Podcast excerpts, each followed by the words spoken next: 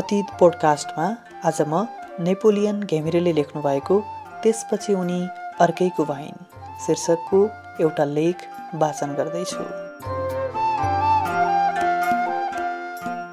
पहाड छोडी तराई पसे पनि दिनमा दुई तिन कप चिया नखाई चित्तै बुझ्दैन। सायद चियाको क्याफिनले नसामा ठाउँ लिइसकेको थियो। सहरका राम्रा होटेलमा आधुनिक सट्टा हिन्दी र अङ्ग्रेजी गाना। रोटी सब्जीको सट्टामा मोमो पिज्जा बिग्दो रहेछ। त्यस्तै एक होटलमा बसी चिया मगाउँदा पसलले दाइले भाइ कफी मात्र छ भने। खैर केही छैन दिनु न भने। अनि अन्तिमको टेबलमा बसेँ। म एक पुरानो साथीको पर्खाइमा थिएँ। केही बेरपछि कफी आयो।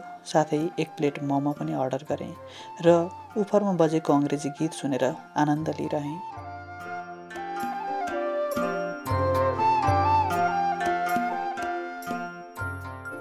असारको गर्मी र मोमोको पिरो अचारले निकै जिउ तातिरहेको थियो। केही समयपछि नजिकैबाट हाई भनेर कसैले मलिन स्वरमा बोलाए जस्तो लाग्यो। म अलमल्ल परेँ। कहिले नचिनेको मान्छे अगाडि आएर बोलाउँदा।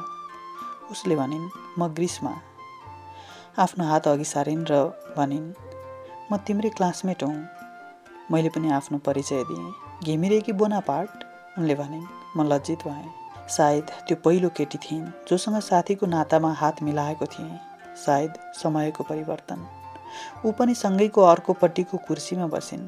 त्यति बेरसम्ममा भर्खर पहाडबाट झर्दाका राता गाला झन् स्याउझै भएको अनुभूति गरिरहेको थिएँ। खैर पङ्खाको हावाले केही साथ दिइरहेको थियो। उसले एउटा आइसक्रिम मगाइन् र मलाई पनि खान भनेर आग्रह गरिन्। मैले इन्कार गरेँ। के चिसो खान्छौ त? फेरि प्रश्न गरिन्। फेरि इन्कार गर्न सकिनँ। हुन्छ भनिदिएँ। एकचोटि आइसक्रिम खाएर प्रश्न राखिन् तिम्रो घर कहाँ हो? डिडिसीबाट लगभग दुई मिनट लाग्छ। अनि तिम्रो नि? झापा हो यहाँ ठुलो बाबाकोमा बस्छु। एसएलसी कहाँबाट दिएको? मैले पहाडको विद्यालयबाट दिएको जवाफ दिएँ। झट्टै भनिन् ए पहाडबाट? तत्काल उसले पहाड मन पराउने आवाज व्यक्त गरिन् र हावापानी एकदम राम्रो लाग्ने जनाइन्। कहाँ कहाँ गएकी छौ पहाड? मैले सोधेँ। हाम्रो घर पहिले धनकुटा थियो। कक्षा पाँचबाट कक्षा पाँचबाट यतै बसाइ सर्या इलाम र राजधानी बाहेक अन्त नगएको बताइन्। अरू दुई चार गफ गरे पश्चात उनले आफूलाई ढिला भएको कुरा व्यक्त गरिन्। मैले आफू साथी कुरिरहेको कुरा उसलाई जनाएँ। त्यसपछि ऊ निस्की र साथी आएपछि म पनि त्यहाँबाट निस्केँ।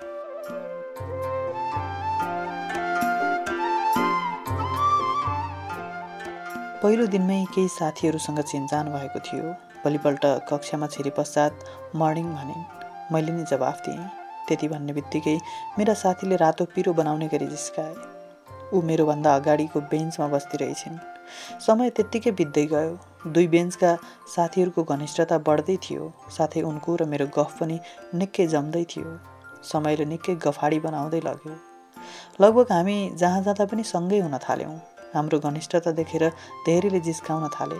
बिस्तारै मलाई पनि उप्रति मायाको आभास हुन थाल्यो। उनलाई के भएको थियो? दैव जानु समयसँगै फेसबुक र भाइबरमा पनि एड भयौँ। दिनहरू सधैँ उसकै व्यवहार सम्झी मनमा कुरा खेल्न थाले। ऊ खास मान्छे हो जस्तै अनुभूति हुन थाल्यो। साथीको घनिष्ठता यति अगाडि बढ्दै गयो कि हामी फोनमा समेत खुलस्त बोल्थ्यौँ। तर ऊ मसँग जस्तै अरूसँग पनि खुलस्त बोल्ने हिँड्ने गर्थिन्। त्यसैले उसलाई आफ्नो भावना पेस गर्न सकिरहेको थिइनँ मात्र हामी एक असल मित्रको रूपमा रुमल्लिरहेका थियौँ।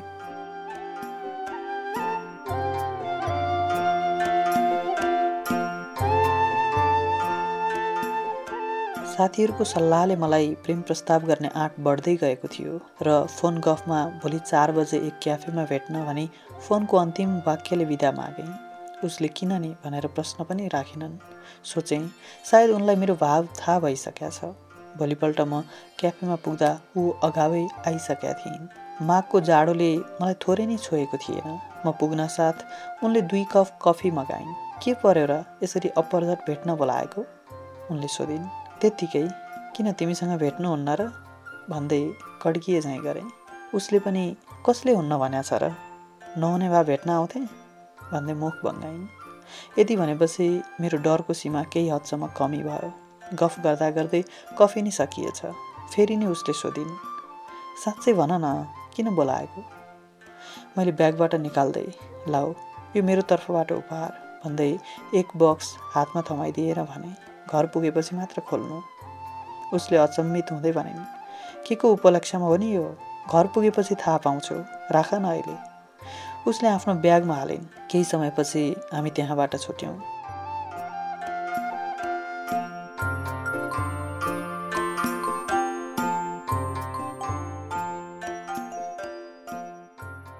डरको घेरा बोकेर उनीसँग बिदा भएको थिएँ। घर फर्काँदै गर्दा मोबाइलमा म्यासेज आयो। हत्तपत्त मोबाइल निकालेँ। सोचेँ पक्कै पनि रिसाइन्। यति राम्रो साथीको सम्बन्ध चकनाचुर हुने भयो। डरले तिन पटक त मोबाइल लक खोल्दा नि बिग्रियो। चौथो पटकमा बल्ल तल्ल खोलेँ लेखेको थियो यति भन्न नि यत्रो कुर्यो है। साथै एक लभको इमो। खुसीको सीमा रहेन ममा। अब जाडोले छोए जस्तो भयो। हात नि थर काम्न थाले। उनी बाहेक संसार नै भुले जस्तो भयो। अहिले भेट्न जाउँ झैँ भयो। सबै बाटामा छोड्दै गएका मानिसले मलाई नै हेरिरहेका छन् जस्तो भयो। हत्तपत्त सफारी रोकेँ। बरगाछीबाट घर पनि नजिकैको बाटो झैँ लाग्यो। तत्काल उसलाई फोन लगाएँ। सायद मेरै फोनको प्रतीक्षामा थिइन्। प्रथम घन्टीमै उठ्यो तर केही शब्द आएन। लाज र खुसीको मिश्रण दुवै बोकेको म। आफैले हेल्लो भने तेस्रो पल्टमा मात्र उसले जवाब फर्काइन्। मैले सोधेँ कस्तो लाग्यो गिफ्ट? उसले गिफ्टभन्दा त्यसभित्रको चिठ्ठीको बारे दिल खोलेर प्रशंसा गरिन्। पहिलेदेखि नै बोलेकाले अब अप्ठ्यारो नगरी बोल्दै गयौँ। उसले पनि पहिलेदेखि नै मन पराउने र प्रेम प्रस्तावको प्रतीक्षामा रहेको बताइन्। दुवैमा खुसीको सीमा नै थिएन।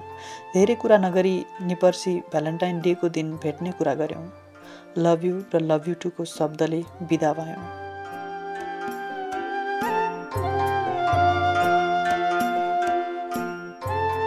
प्रेममा रुमलिँदै बाह्रको परीक्षा पनि सकियो र इन्ट्रान्स पेपरको लागि सँगै काठमाडौँ लाग्यौँ।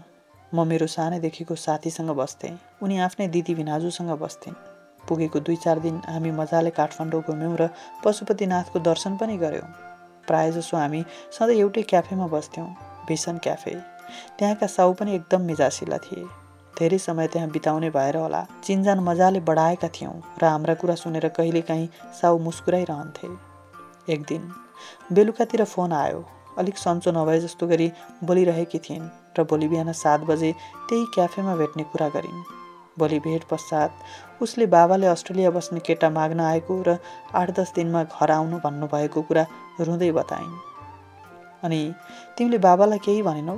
पढाइ नसकी गर्दिन भनेर? मैले सोधेँ। बाबाले धेरै दुःख गरेर यहाँसम्म ल्याउनु भएको र कुरा पक्का पक्की भएकाले बाबाको कुरा काट्न नसक्ने कुरा जनाइन्। मैले कड्किँदै भने ए आज आएर त्यस्तो भयो होइन?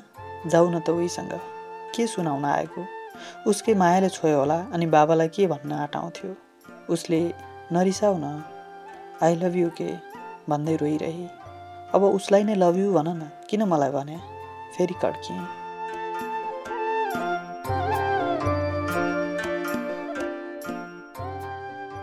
उनका कुराले मेरो शरीर लथ्याक्क भई कालो बादलले झैँ अन्धकार छाइसकेका थियो।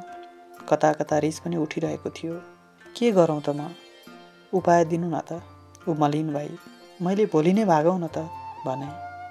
क्याफेका साउ पनि आफ्नो व्यापार छोडी हाम्रै दुखेसो काउन्टरबाट सुनिरहेका थिए। भागेर कसरी जीवन चलाउने? तपाईँ पनि त पढ्दै हुनुहुन्छ जवाफ दिइन्। त्यसो भए जाऊ न त जीवन चलाइदिनेसँग। निकै गन्थनपछि पनि बाबाको कुरा काट्न नसक्ने बताइन्। त्यस पश्चात म आफ्नो झोला बोकी सरासर निस्केँ। एकपल्ट पनि पछाडि फर्किनँ पर पुगेपछि फोन आयो काटिदिएँ। अनि आफ्नो गाडी चढेँ। सोचेँ अब मैले ग्रीष्म गुमाइसकेँ। संसारमा म एक्लो छु। सबै मानिसहरू शत्रु झैँ लाग्न थाले। जीवनको अर्थ हराएको महसुस भइरहेको थियो। त्यतिकैमा फोनमा म्यासेज आयो। नरिसाउनुहोस् न प्लिज। बेलुका आउनु है फेरि क्याफेमा। कुरा अझै सकिया छैन। तर सबैतिर ब्लक गरिदिएँ। क्याफेमा भएको त्यो गफले मलाई पूर्ण रूपमा अब उनी नपाउने विश्वास भइसकेका थियो। अब उसको बिहेको सुपारीभन्दा केही आफ्नो साथ नफर्किने सोचले म बेलुका नजाने निदो गरेँ। सिम कार्ड पनि निकालेर फालिदिएँ। खाटमा पल्टिँदा सिरानी भिजिसकेछ पत्तै भएन।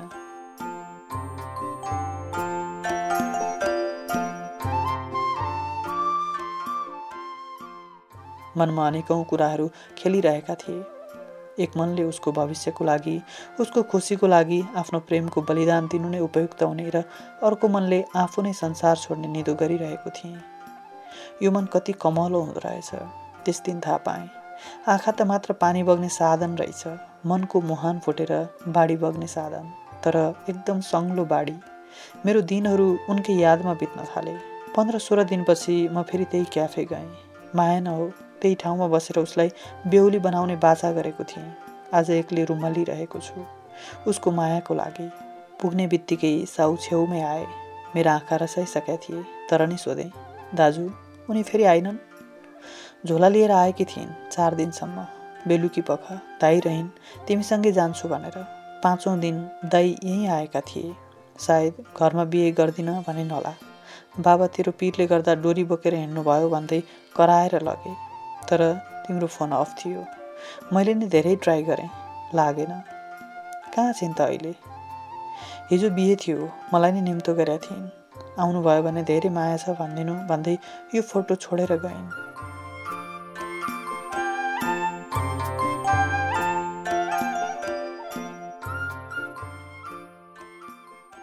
त्यति भनेपछि मेरा रसाएका आँखाबाट फेरि बाढी आए। मन फेरि टुक्रा टुक्रा भयो। आफूले आफैलाई धिकार गर्न बाहेक केही उपाय थिएन। धेरै दिन रोएँ। फोन गर्दा उसको फोन पनि अफ आइरह्यो। मुटुभन्दा बढी माया गर्ने प्रेमिकाको फोटो नै अन्तिम चिन्हमा परिणत भयो।